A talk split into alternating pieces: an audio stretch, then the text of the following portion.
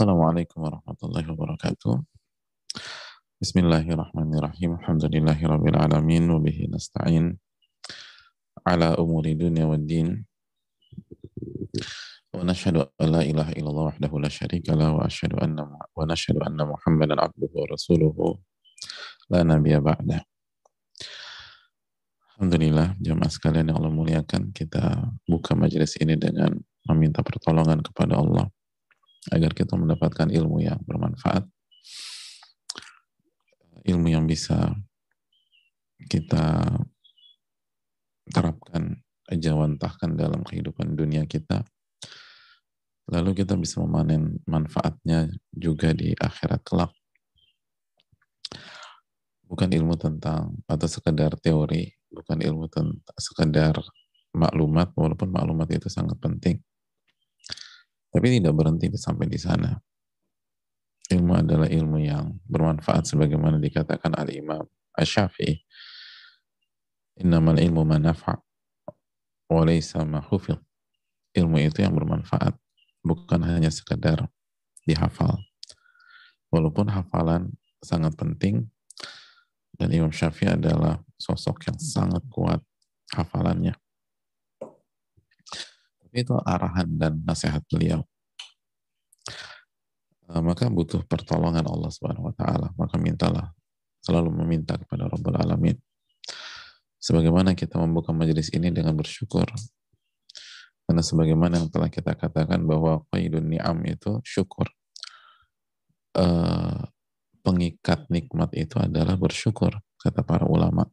Seperti yang dijelaskan Al-Imam Ibn dalam Al-Wabil Sayyib karena Allah yang berfirman, la in syakartum la azidannakum. Kalau kalian bersyukur, aku akan tambah. Tapi kalau kalian kufur nikmat, nggak bersyukur, inna azabila syadid. Azabku sangat pedih. Jadi hadirin Allah muliakan, kalau kita ingin mempertahankan nikmat yang ada pada diri kita, mempertahankan nikmat yang ada pada kehidupan kita, pada keluarga kita, maka simple aja, banyak-banyak bersyukur kepada Allah banyak-banyak bersyukur. Nggak usah ribet-ribet itu nggak usah pakai teori A teori B teori C. Pencipta kita menyatakan lain syakartum la dan nakum kalau kalian bersyukur aku akan tambah. Dan kalau kalian kufur nikmat inna adzabila syadid. Maka kita syukuri. Kita syukuri dengan hati kita, dengan lisan kita, dan dengan mengamalkan ilmu tersebut. Maka marilah kita bersyukur ketika Allah memberikan kita kesempatan yang gak Allah berikan kepada setiap pihak. Ada banyak orang pengen belajar nggak punya akses. Ada banyak orang yang pengen nuntut ilmu tapi nggak bisa dengan keterbatasannya. Jangan kita kufuri nikmat yang Allah berikan kepada kita. Sebagaimana marilah kita memperkuat syahadatin kita terus dari waktu ke waktu, dari waktu ke waktu karena ini adalah kunci surga kita. Surga dunia dan surga akhirat.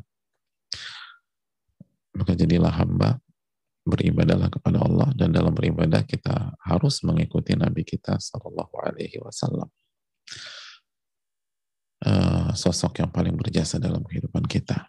Maka selalu bersalawat dan berikanlah salam kita kepada Rasul kita tersebut, Nabi kita Sayyidina Muhammadin Sallallahu alaihi wa ala alihi wasallam beserta para keluarga, para sahabat, dan orang-orang yang istiqomah berjalan di bawah naungan beliau sampai hari kiamat beliau kelak.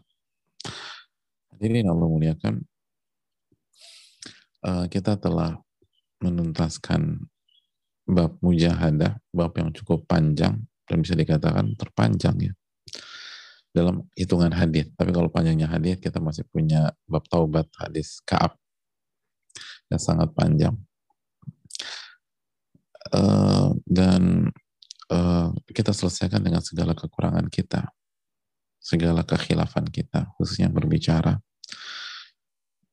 dan di waktu yang sama kita tuntaskan dengan pertolongan Allah Subhanahu wa taala. Dengan taufik dari Allah Subhanahu wa taala.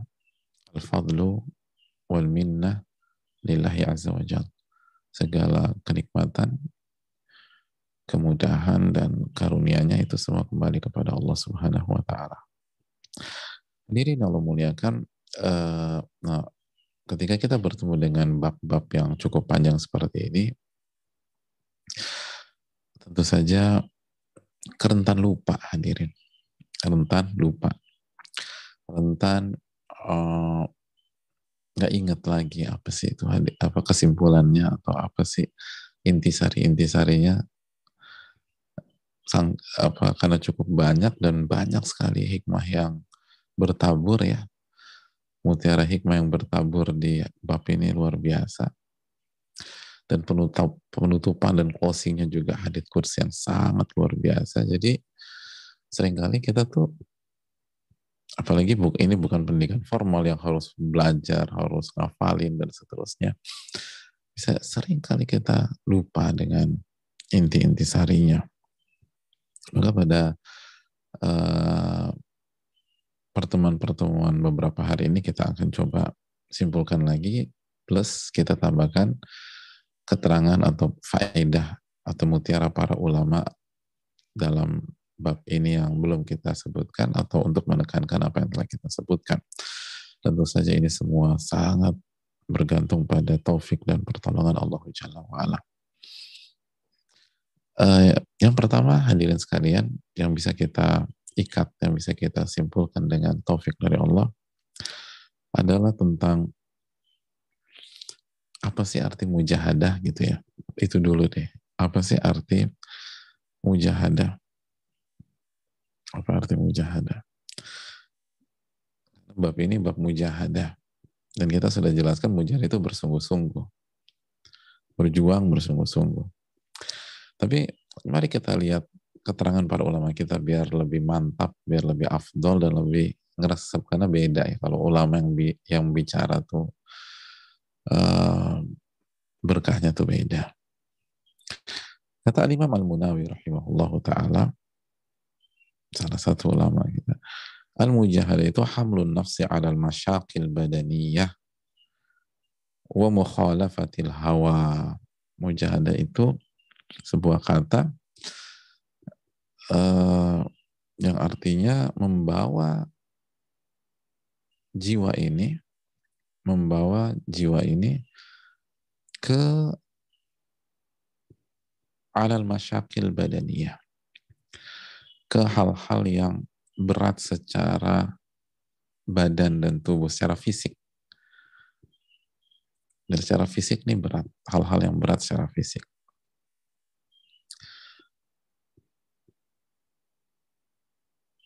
Dan menyelisihi hawa nafsu. Jadi membawa jiwa ini untuk menuju ke hal-hal yang berat secara fisik dan menyelisih hawa nafsu. Menyelisih hawa nafsu.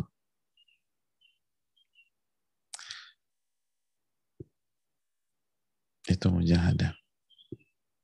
Maksudnya apa? Yaitu tadi bersungguh-sungguh itu identik dengan hal-hal yang nggak mudah. Makanya harus bersungguh-sungguh. Kalau hal mudah nggak perlu bersungguh-sungguh. Itu santai-santai selesai. Tapi kalau bersungguh-sungguh berjuang, itu hal nggak mudah dan hal-hal itu tuh nggak sesuai dengan hawa nafsu kita nggak sesuai dengan hawa nafsu kita karena hawa nafsu kita tuh sukanya yang santai-santai yang leyeh-leyeh yang uh, apa yang enak-enak aja gitu ya yang buruk-buruk iya kan itu yang Allah firmankan dalam surat Yusuf dan sering kali kita ulang ayat ini Inna nafsala ammaratun bisu. Sesungguhnya itu, sesungguhnya nafsu itu selalu menyuruh pada keburukan. Inna nafsala ammaratun bisu. Sesungguhnya nafsu itu selalu mengajak dan menyuruh pada keburukan, kejahatan. Baru Allah sebutkan anomali dan pengecualiannya illa ma rahimah rabbi. Kecuali nafsu yang diberi rahmat oleh Robku dan ditundukkan, diarahkan dan seterusnya.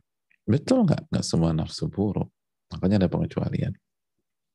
Untuk makan kita butuh nafsu, nafsu makan. Nafsu makan. Untuk berumah tangga kita butuh nafsu. Tapi secara umum nafsu itu selalu ngajak ke yang buruk, ke yang buruk, ke yang buruk, ke yang buruk. Oleh karena itu, hadirlah konsep mujahadah. Hadirlah konsep mujahadah dan Imam Nawawi membawakan di bab apa di apa bab khusus tentang ini. Karena bahaya kalau kita nggak kalau kita tidak membawa jiwa kita, diri kita untuk menyelisih hawa nafsu,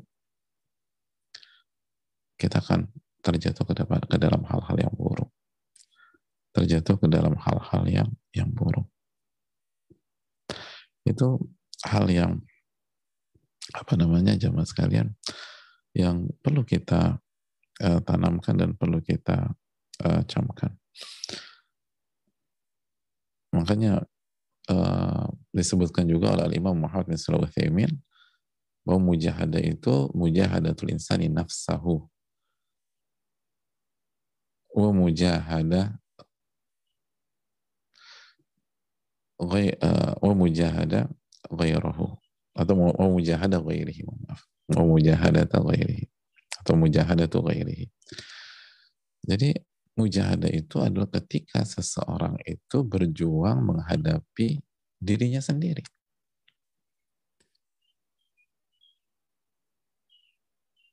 Menghadapi dirinya sendiri, nafsunya.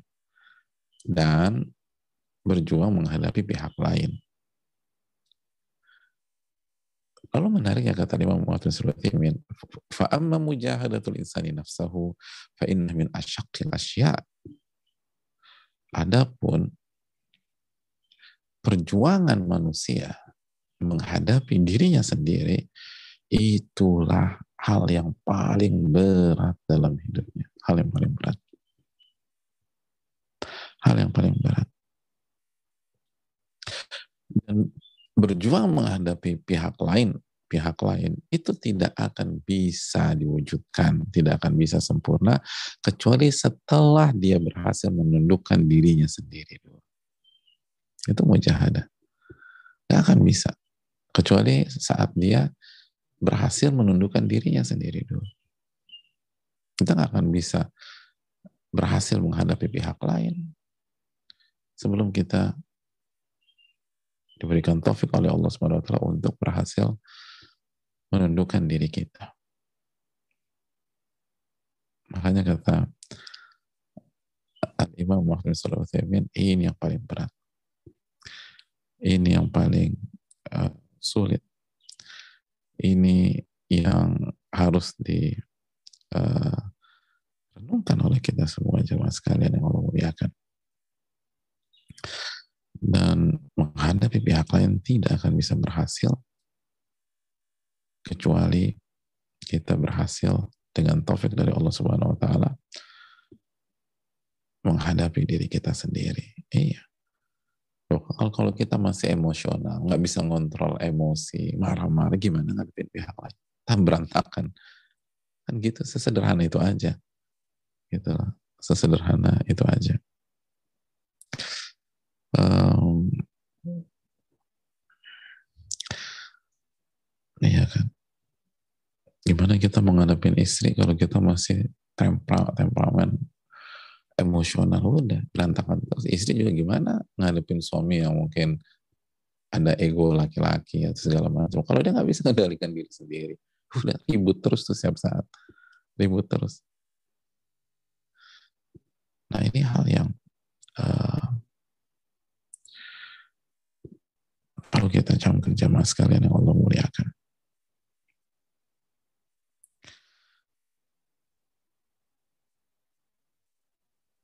Uh, ya, itu poin. Itulah mujahadah. Jadi ingat ya mujahadah itu itu.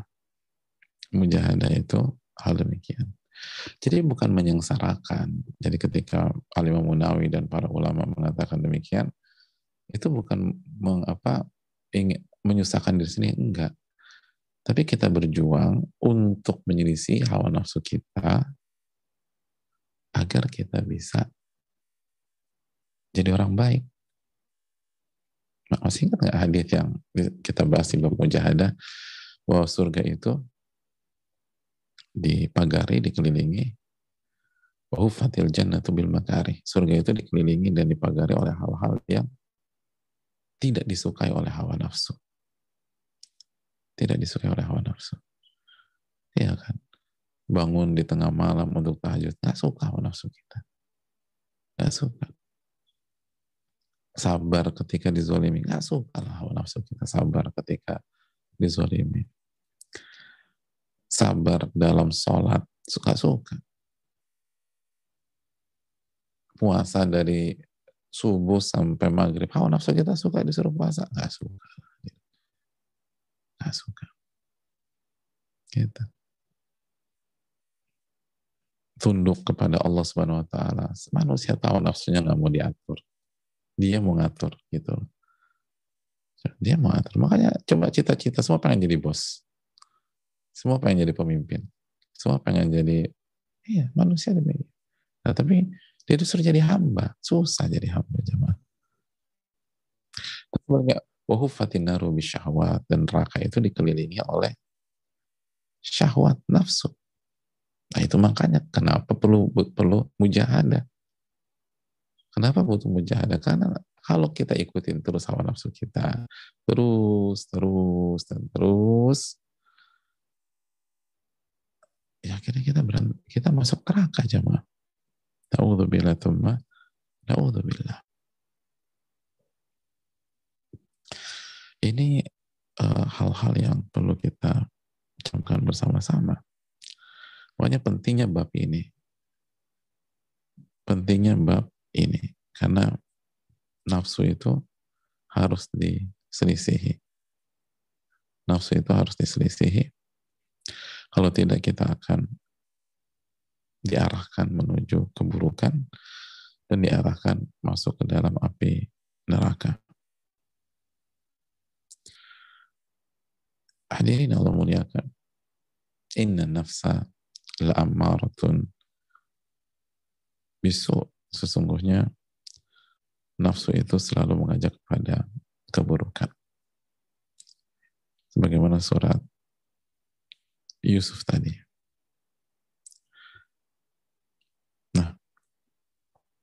Uh, selanjutnya hadirin Allah muliakan.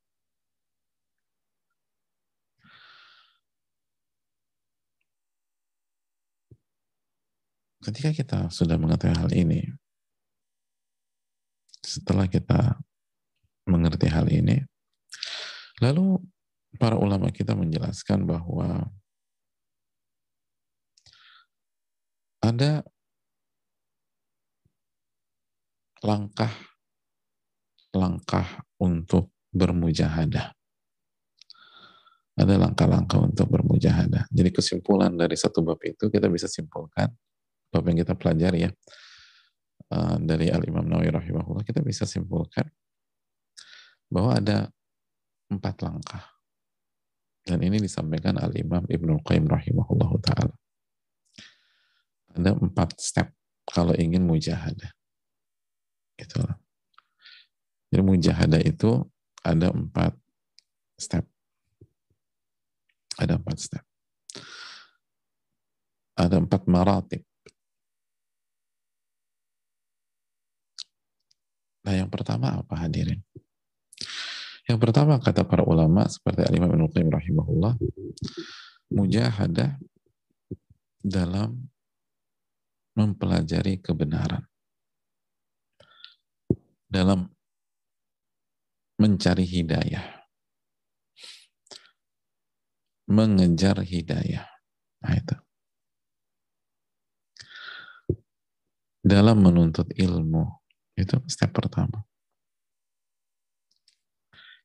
Jadi step pertama dalam kita bersungguh-sungguh menyelisih apa uh, menyelisih hawa nafsu dan membawa ke kondisi yang tidak nyaman di luar zona aman kita karena hal berat kata para ulama tadi itu dalam belajar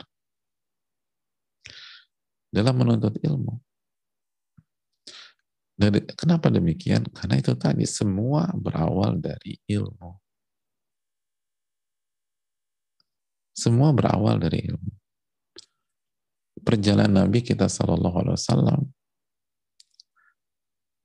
dari nol sampai berhasil dengan izin Allah itu semua diawali dengan sebuah ayat Iqra bismi rabbikal khalaq. Baca. Itu ayat pertama. Semua keindahan sirah beliau ketika menjadi nabi dan rasul itu diawali dengan ayat ini. Baca. Baca. Baca hadirin. Gak ada semua gak ada. Gak bisa orang jadi baik, bisa hijrah, istiqomah segala macam kalau nggak belajar, kalau nggak kembali ke ilmu. Kan kita sudah sampaikan surat Al-Isra 36, "Wala taqfu ma laysa laka bihi ilmun." Dan janganlah Anda mengikuti sesuatu yang Anda tidak tahu ilmunya. Nggak boleh kita ngikutin sesuatu tanpa ilmu. Ya terus gimana sholat? Gimana puasa? Gimana zakat? Gimana jadi orang soleh? Kalau Allah mengatakan, dan janganlah kalian mengikuti sesuatu yang kalian nggak punya ilmu. Berarti step pertama harus belajar, langkah pertama harus belajar. Inna sam'a wal basar wal fu'ada kullu ulaika kana anhu mas'ula. Sesungguhnya penglihatan, eh, pendengaran, penglihatan, hati, semuanya akan ditanya oleh Allah Subhanahu wa taala.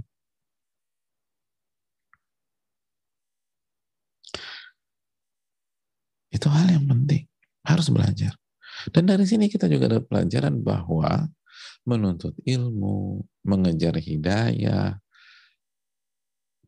belajar, ikut kajian rutin seperti misalnya Radu Solihin atau ustadz-ustadz yang lain atau para masyayikh itu hal yang gak mudah. Kata hal yang gak mudah. Hal yang berat, makanya butuh mujahadah. Butuh mujahadah, butuh perjuangan, butuh kesungguhan. Butuh melawan hawa nafsu. Ini pelajaran, belajar. Menuntut ilmu, mengejar hidayah, ikut kajian rutin, mengkaji buku-buku para ulama, itu hal yang nggak mudah.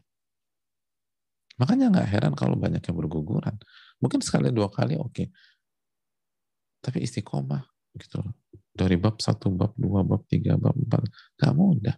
Ada aja hal yang bisa menjegal. Ada ada obstacle di perjalanan. Hal-hal yang bisa mengganggu, bahkan membuyarkan semuanya. Nah itu ujian kehidupan hadir. Gak mudah. Jadi saya berpikir mudah.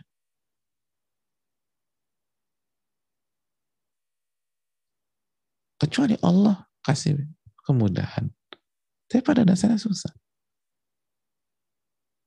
Kecuali Allah kasih taufik. Makanya butuh mujahadah. Makanya masih ingat Kejadian di Gua Hira hadirin. Kita tadi katakan semua keindahan perjalanan Nabi SAW sebagai seorang Nabi dan Rasul itu diawali dari Gua Hira, diawali dari sebuah ayat Iqra bismi rabbikal ladzi khalaq bersama empat ayat berikutnya dalam surat Al-Alaq. Iqra bacalah. Bacalah.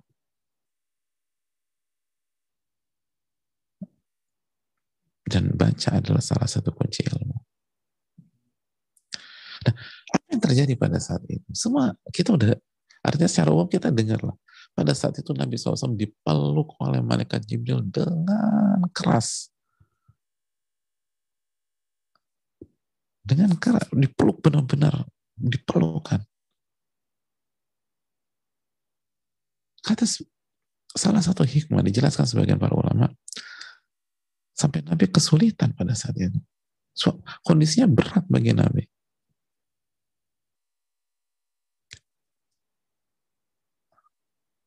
Kenapa malaikat jin melakukan itu? Kenapa nggak diusap-usap gitu Nabi SAW? Diusap-usap.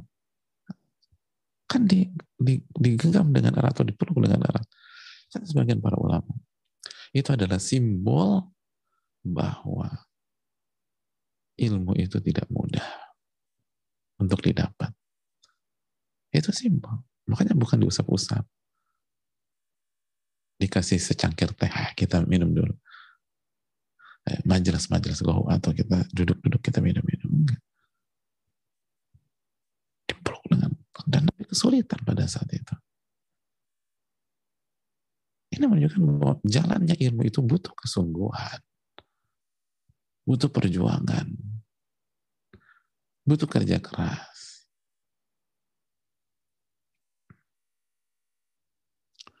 Makanya la yunalul ilmu birohatil jasad. Ilmu itu nggak akan bisa didapatkan dengan dengan fisik yang suka santai, beristirahat, uh, apa rebahan dan seterusnya. Nggak bisa. Harus dengan kesungguhan. Oh, tapi kan saya bukan santri. Ustadz, iya bukan santri. Tapi kan nggak melepak, nggak menutup kemungkinan untuk jadi penuntut ilmu sejati sesuai dengan kapasitas kita. Para sahabat Nabi SAW juga punya kesibukan di zaman itu bukan santri pondok. Ada yang punya kebun kurma, ada yang dagang, dan seterusnya. Tapi mereka penuntut ilmu sejati. Makanya diberkahi. Diberkahi. Itu hadirin. Ilmu itu nggak mudah. Ilmu itu susah. Kecuali dirahmati oleh Allah dan dipermudah oleh Allah. Makanya butuh mujahadah, kata para ulama butuh kesungguhan. Butuh kesungguhan. Dan nanti Allah permudah, Allah kasih taufik.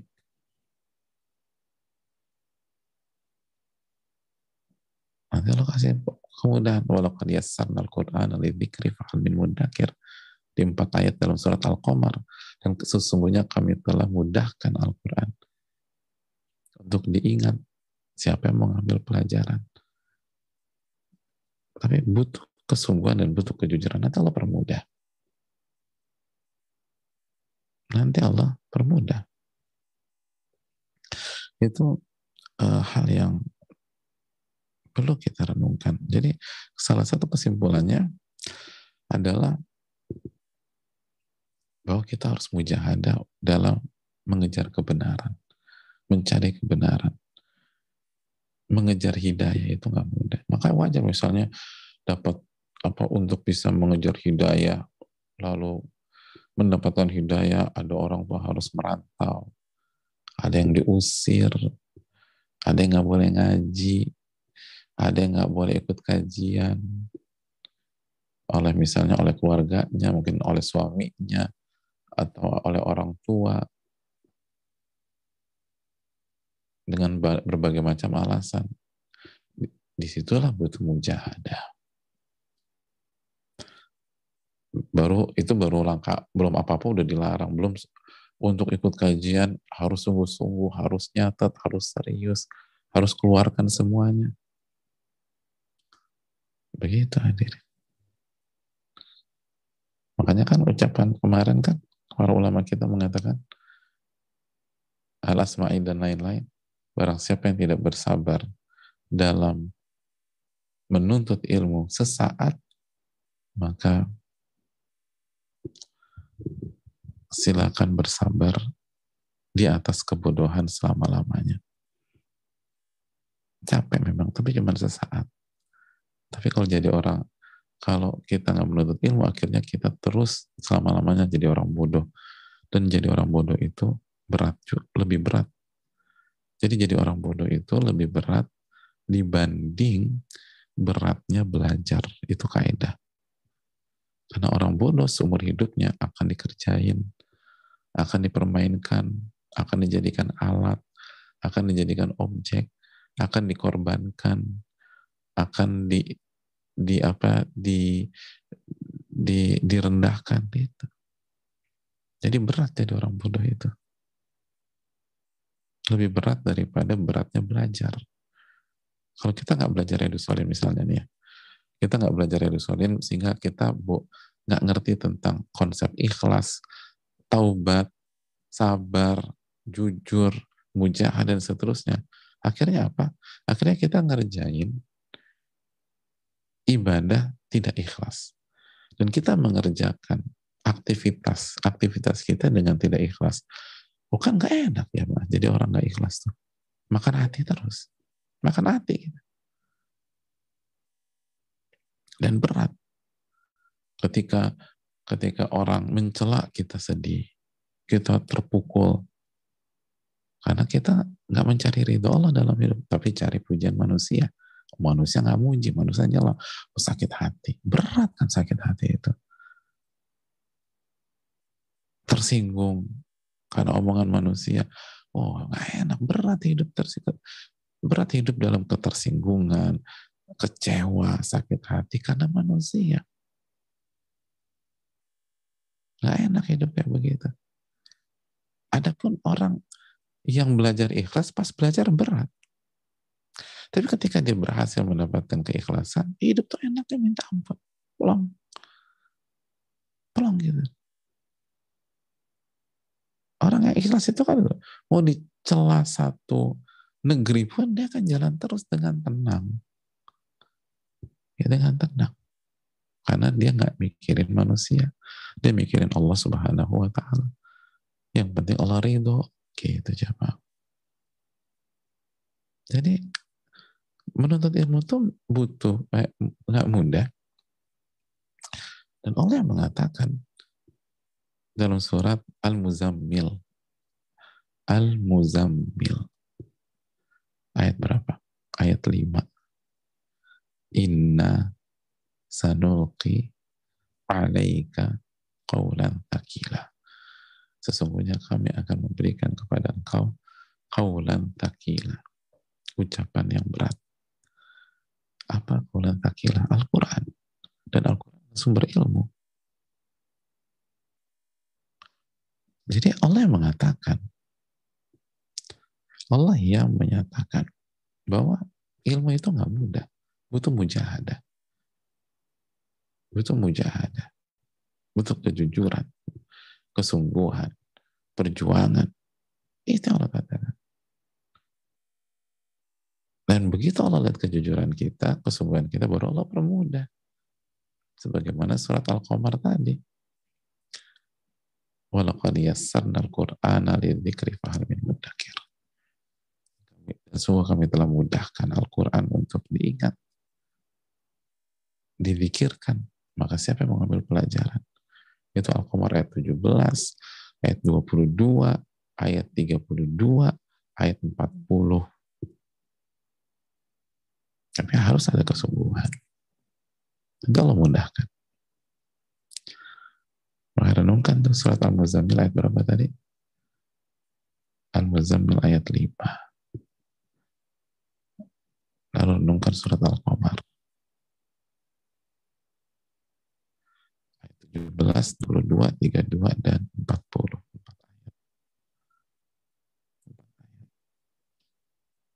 Jelas ini jamaah. Taala alam bisawab.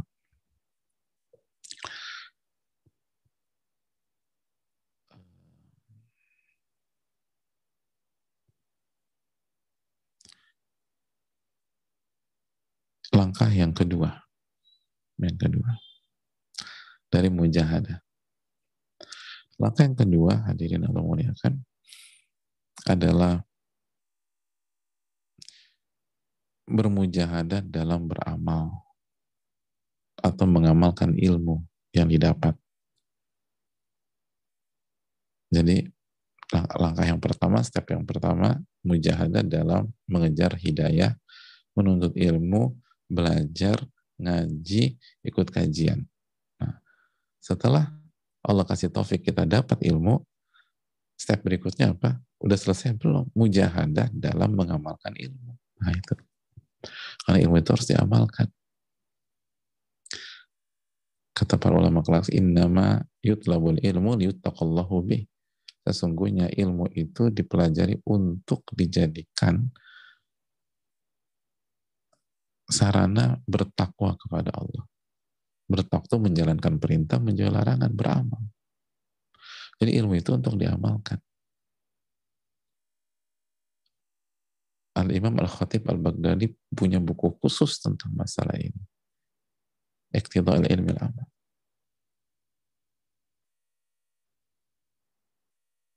Ilmu itu harus diamalkan sesuai dengan kapasitas dan kemampuan kita tentu saja. Karena kaidah fikih mengatakan la wajibah ma'al ajiz. Tidak ada kewajiban kalau nggak mampu. Dan mengamalkan ilmu itu nggak mudah hadirin. Susah. Nah ini kita sering kita lupa nih. Bagi yang sudah istiqomah ngaji, istiqomah ikut kajian, sering kali itu fokus kita hanya ngoleksi ilmu aja gitu. Tapi nggak diamalin. Pastilah kita banyak kekurangan. Pasti kita nggak akan sempurna. Kulubani Adam khatta. Anak Anda banyak melakukan kesalahan. Hadis Qudsi. Innakum tukhti'una bil-laili wan nahar. Kalian tuh buat salah terus setiap hari. Tapi harus ada mujahadah, harus ada perjuangan, harus ada kesungguhan, harus melawan nafsu untuk mengamalkan. Jadi sebagaimana step pertama, nafsu tuh nggak suka kita belajar. Hawa nafsu kita itu nggak suka kalau kita belajar. Hawa nafsu kita nggak suka kita ikut kajian jam setengah enam misalnya nggak suka. Pengennya habis subuh santai. Atau sarapan langsung makanan yang enak-enak. Langsung nyari nasi uduk. Atau main ke sana, main ke sini. Nggak suka kita belajar. Di waktu pagi itu nggak suka.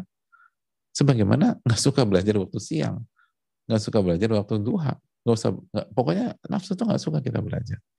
Nah kalau kita berhasil, nah nafsu tuh nggak suka kita mengamalkan ilmu kita udah deh kalau kalau memang harus belajar udah belajar aja nggak usah diamalin itu nafsu itu sukanya begitu nggak suka kita beramal nggak suka kita jaga salat sunnah nggak suka kita baca Al-Quran nggak suka. Karena nafsu itu selalu ngajak ke yang buruk. Nah untuk mengamalkan kita harus mujahadah. Harus bersungguh-sungguh. Jadi ilmu itu harus diamalkan. Dan mengamalkan ilmu itu berat kecuali diberi taufik oleh Allah. Maka butuh kesungguhan, butuh mujahadah, butuh perjuangan. Gitu hadirin. Butuh perjuangan. Itu hal yang harus terus kita ingat, harus terus kita ingat, harus terus kita ingat. Makanya kan kata Nabi SAW kan al-mujahid man jahada nafsahu. Fita'atillah. Mujahid itu adalah orang yang berperang melawan dirinya sendiri untuk tetap taat kepada Allah Subhanahu wa taala itu kata Nabi SAW.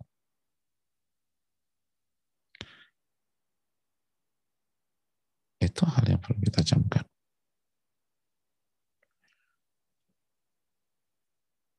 Jadi itu yang kedua. Yang ketiga hadirin. Setelah kita menuntut ilmu, mengamalkan, kata Ibnu Qayyim rahimahullah, mujahada ala dakwah ilal haq. Baru step berikutnya, berjuang dan bersungguh-sungguh untuk mendakwahi ke orang lain. Mendakwahi ke orang lain. Jadi setelah belajar,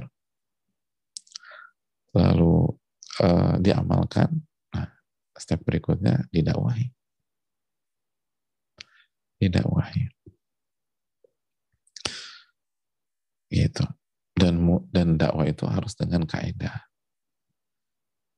Dan bagi kita orang awam itu lingkaran terdekat dulu lah. Ibda binafsik, thumal akraf fal akrab kata Nabi SAW. Mulailah dari diri sendiri, lalu yang terdekat, lalu yang dekat gitu.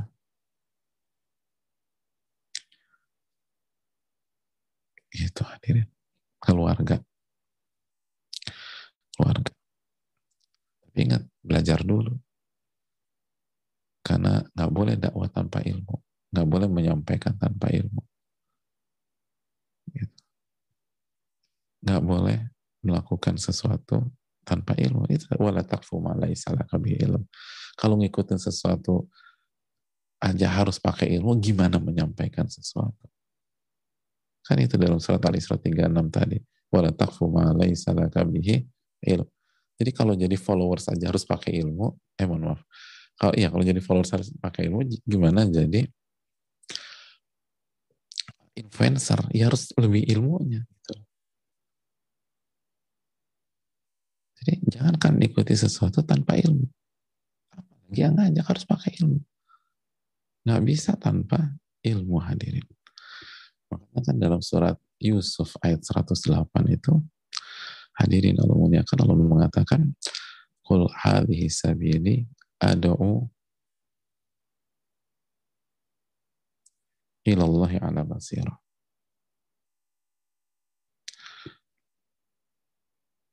Katakan ini jalanku, aku berdakwah kepada Allah dengan ilmu. Dengan ilmu. Dengan ilmu. Jadi semua harus pakai ilmu. Ngikutin seseorang atau ngikutin sesuatu harus pakai ilmu mempengaruhi seseorang harus pakai ilmu. Itu maksudnya. Jadi followers tuh kan kita ngikutin siapa pun. Kita nggak bicara istilah sosial media. Ini secara umum mengikuti kan kalau mengatakan wala takfu jangan mengikuti sesuatu tanpa ilmu. Dan dalam dakwah-dakwah kan mempengaruhi. Influencer dakwah itu kan mempengaruhi. Mengajak mengarahkan, itu harus pakai ilmu. Harus pakai ilmu. Kul hadhi sabili adu ilallah ala basirah.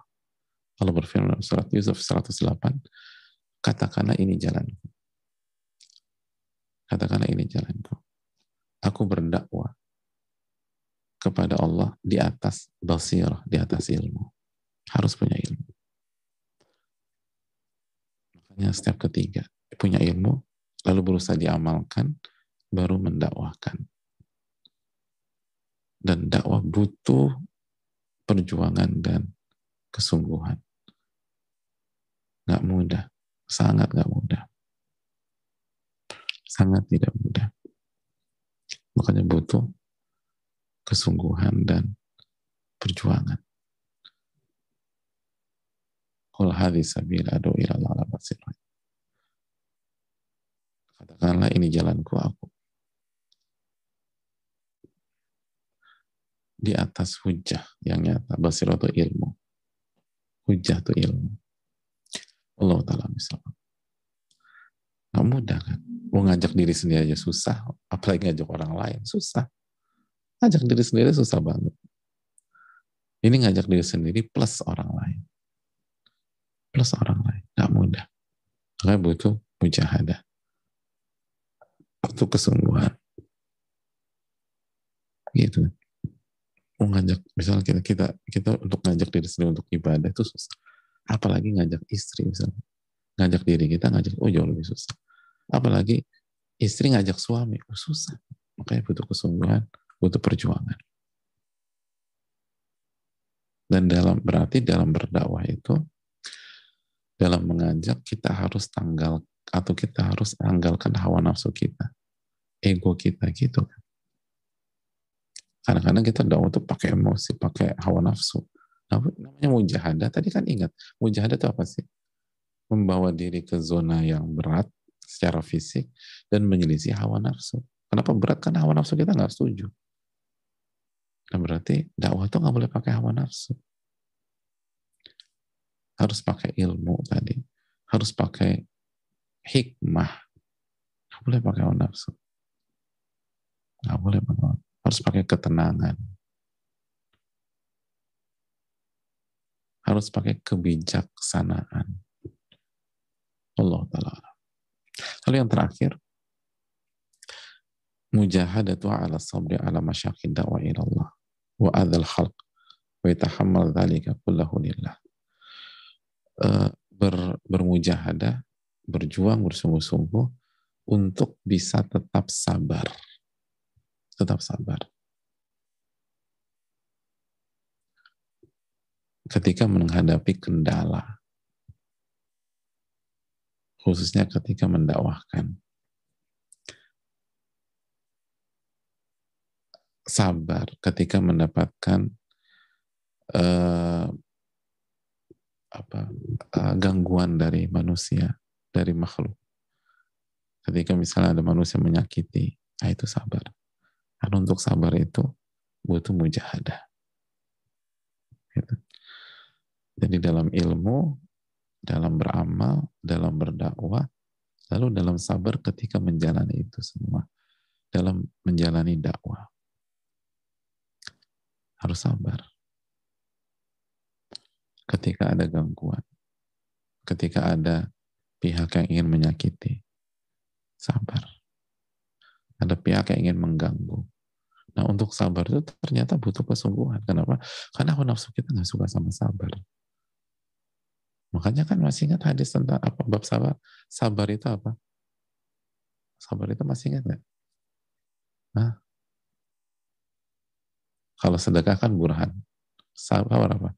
Dia dan dia itu adalah sinar yang uh, membuat kita kepanasan.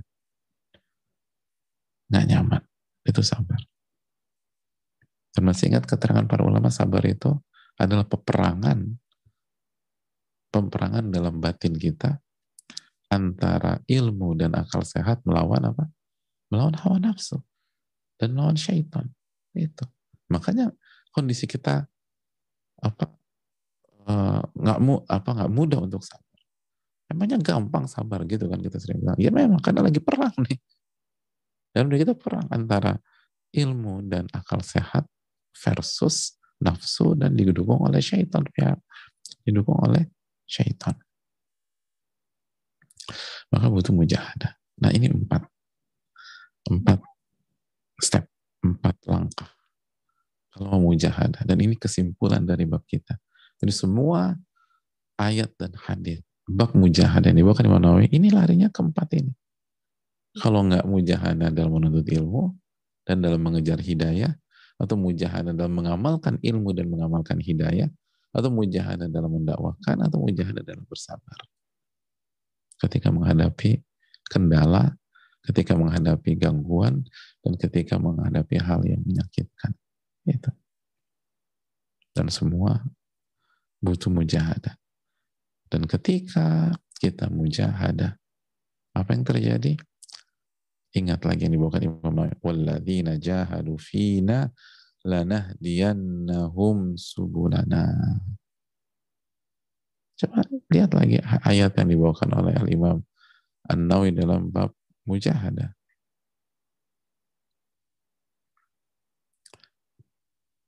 Barang siapa yang ber, yang bermujahadah, bersungguh-sungguh berjuang di atas jalan kami, alan kabut kan? ayat 69 lanahdiyannahum subulana. Pasti kami akan memberikan mereka hidayah petunjuk menuju jalan kami. Gitu. Karena siapa yang bersungguh-sungguh pasti kami akan kasih hidayah dan petunjuk ke jalan jalan kami. Ini sudah kita bahas. Ribab mujahadah. Sama seperti tadi. Muzamil ayat 5. Eh, oh, agak terlambat. Walladzina jahadu fina lanahdiyannahum subulana. Berarti siapa yang bersungguh-sungguh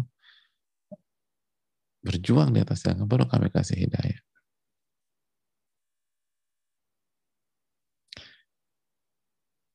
Ini hal yang perlu kita camkan.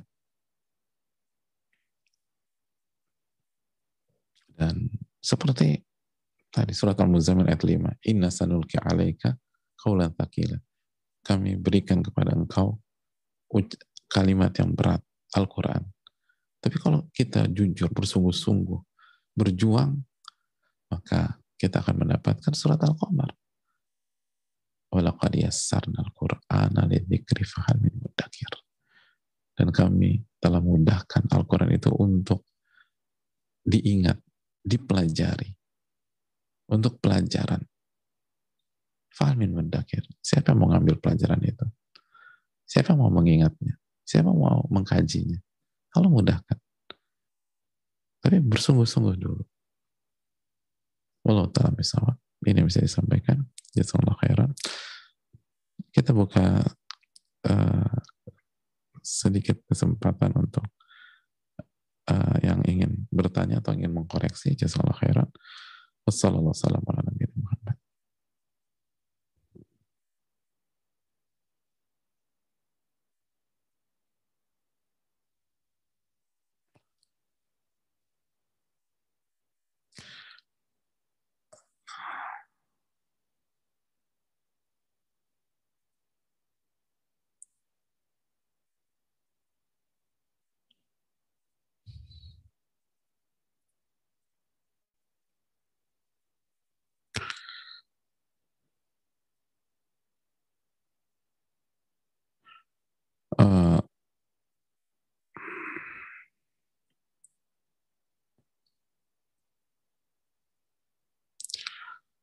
Assalamualaikum warahmatullahi wabarakatuh. Waalaikumsalam warahmatullahi wabarakatuh. Assalamualaikum Waalaikumsalam.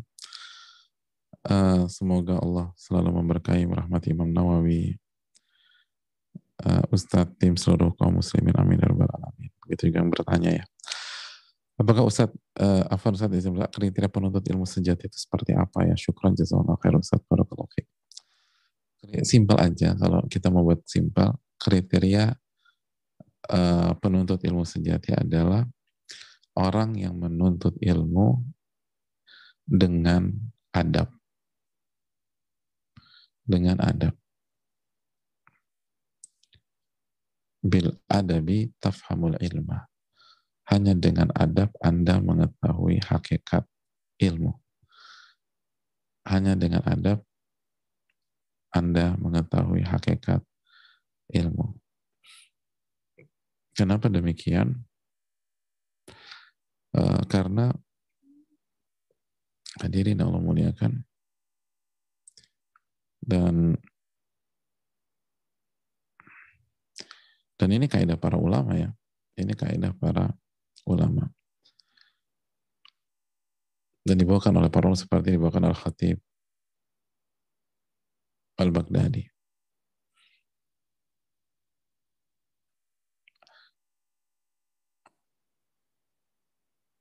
Ini kaidah para ulama klasik. Dan uh, jadi mereka katakan hanya dengan adab. Hanya dengan adab.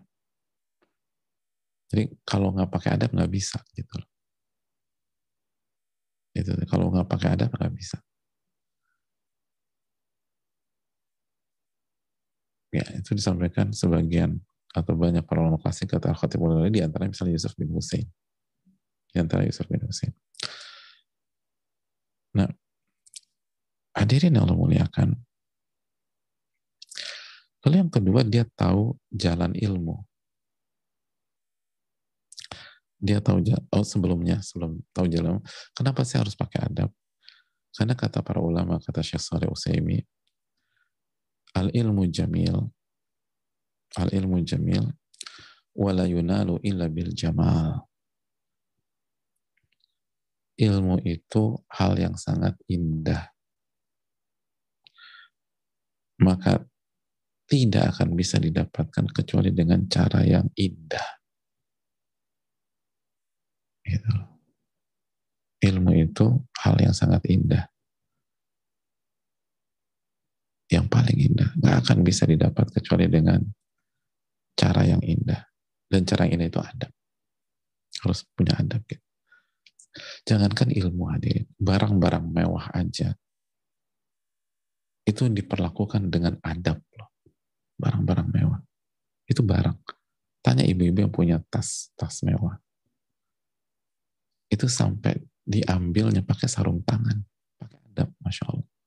Tanya bapak-bapak yang punya jam-jam mewah.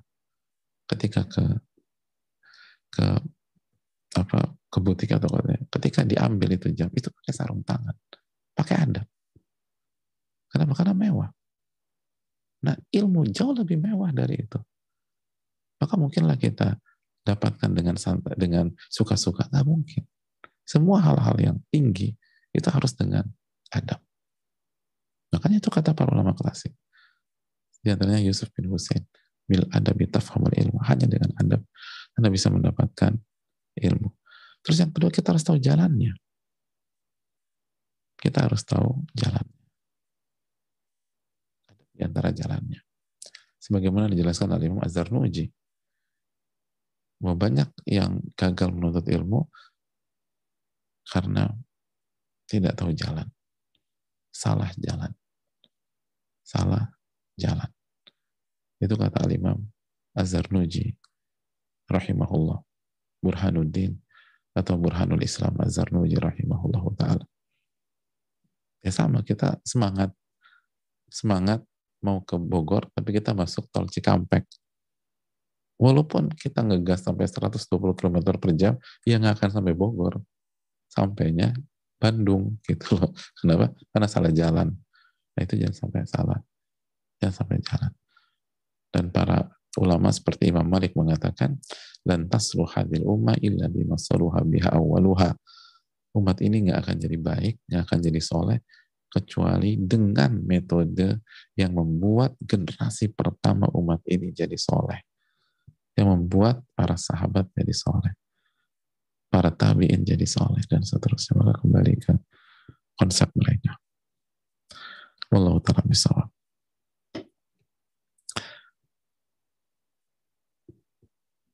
Masih ada waktu. Hmm.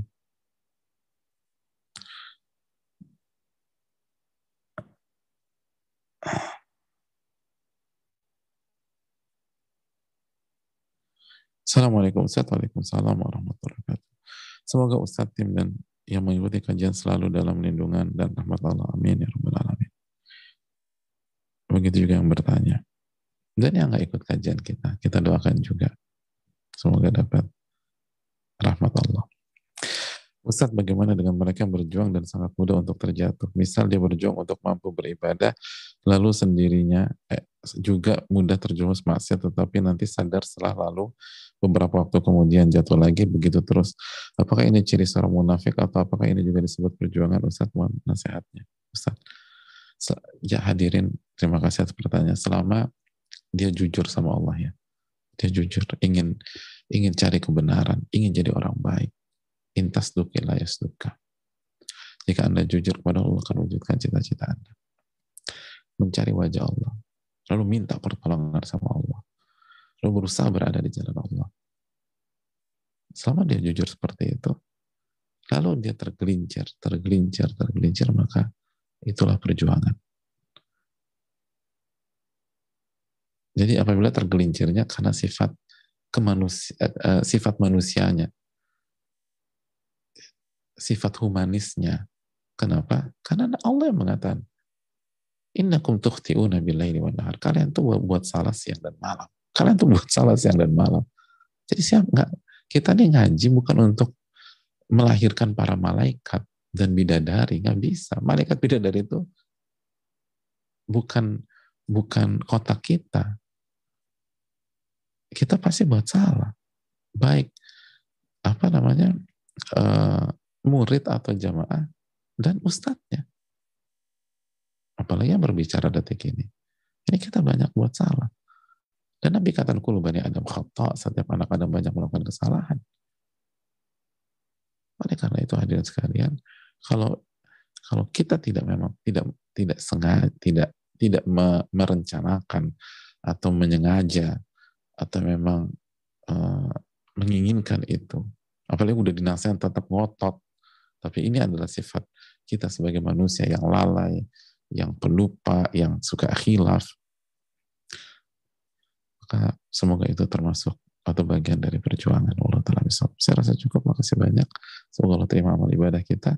Semoga Allah memberikan kita ilmu yang bermanfaat dan menjauhkan kita dan melindungi kita dari ilmu yang tidak bermanfaat. Subhanakallah, wa